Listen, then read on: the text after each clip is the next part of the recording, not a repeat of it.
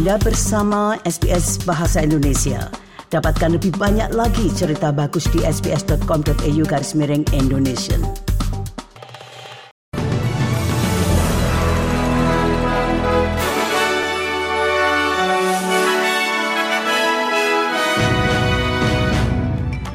Berita terkini SBS Audio Program Bahasa Indonesia untuk hari Minggu 10 September 2023.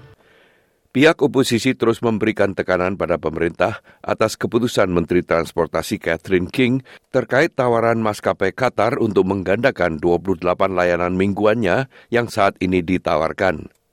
Pejabat Perdana Menteri Richard Miles mengatakan kepada Sky News bahwa Menteri King tidak mengikut sertakan dirinya dalam konsultasi keputusan untuk menolak permintaan penerbangan Qatar Airways itu.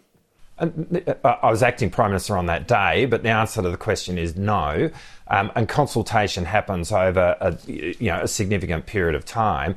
In terms of how government operates, um, if I have a decision to make, which is my responsibility to make, but which might have an impact in relation to three or four other ministerial portfolios, I will consult with those ministers over a period of time prior to making that decision.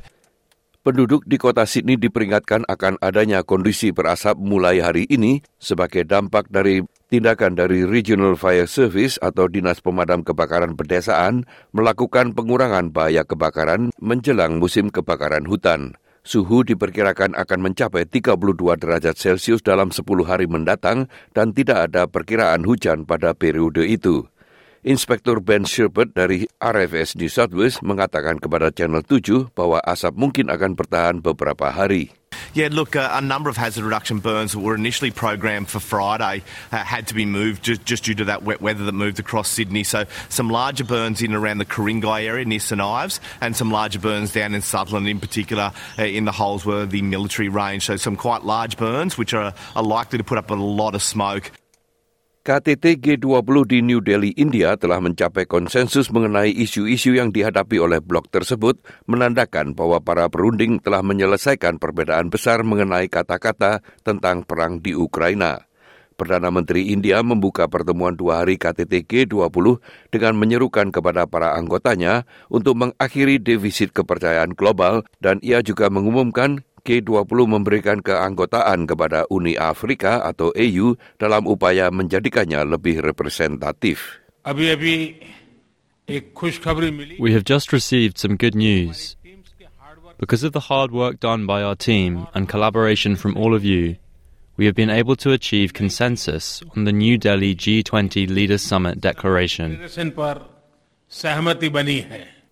Sementara itu, di sela-sela pertemuan KTT G20, Perdana Menteri Australia Anthony Albanese telah mengadakan pembicaraan formal dengan Presiden Prancis Emmanuel Macron untuk membahas langkah-langkah yang diperlukan untuk menyelesaikan perjanjian perdagangan. Perdana Menteri Albanese mengatakan ia ingin negosiasi mengenai perjanjian perdagangan bebas dengan Uni Eropa diselesaikan pada akhir tahun ini. Uh, on the sidelines, I have also had discussions with uh, the European uh, Commission, uh, Ursula von der Leyen. Uh, last night, uh, the discussion with the European Commission uh, was about advancing the Australia European Free Trade Agreement and whether we can get that completed this year. Badan Karantina Pertanian atau Baratan Kementerian Pertanian Indonesia telah membuka kembali pintu impor sapi asal Australia pasca terdeteksi secara klinis penyakit lumpy skin disease atau LSD. Menteri Pertanian Federal Australia, Mary Watt, mengatakan pencabutan penangguhan ini berarti perdagangan ekspor sapi hidup dan kerbau dari Australia ke Indonesia dapat dilanjutkan kembali. Sementara itu, di lain pihak, Menteri Perdagangan Indonesia Sulkivi Hasan mengatakan bahwa pemerintah juga merencanakan untuk mengimpor sapi dari Brasil sebagai salah satu upaya menekan harga daging sapi yang mahal di Indonesia.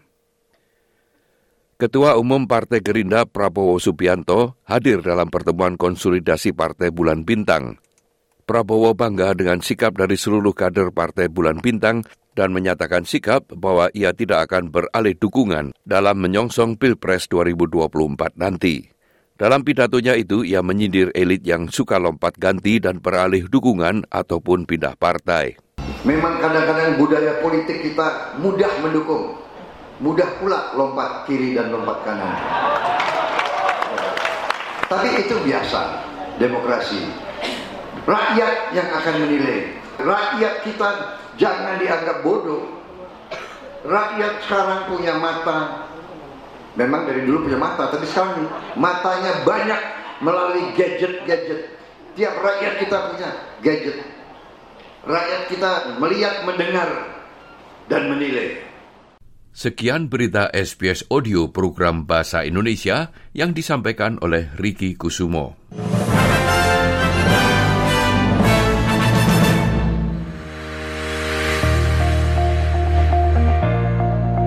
Anda masih mendengarkan siaran SBS Audio program Bahasa Indonesia. Jika Anda ingin menghubungi kami, silahkan menelpon kantor kami di Sydney pada nomor 02 9430 3135 atau kantor kami di Melbourne dengan nomor 03 9949 2208. Anda juga dapat menghubungi kami melalui email pada alamat indonesian.program at sbs.com.au.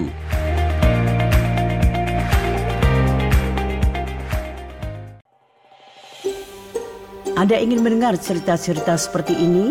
Dengarkan di Apple Podcast, Google Podcast, Spotify, atau di mana pun Anda mendapatkan podcast Anda.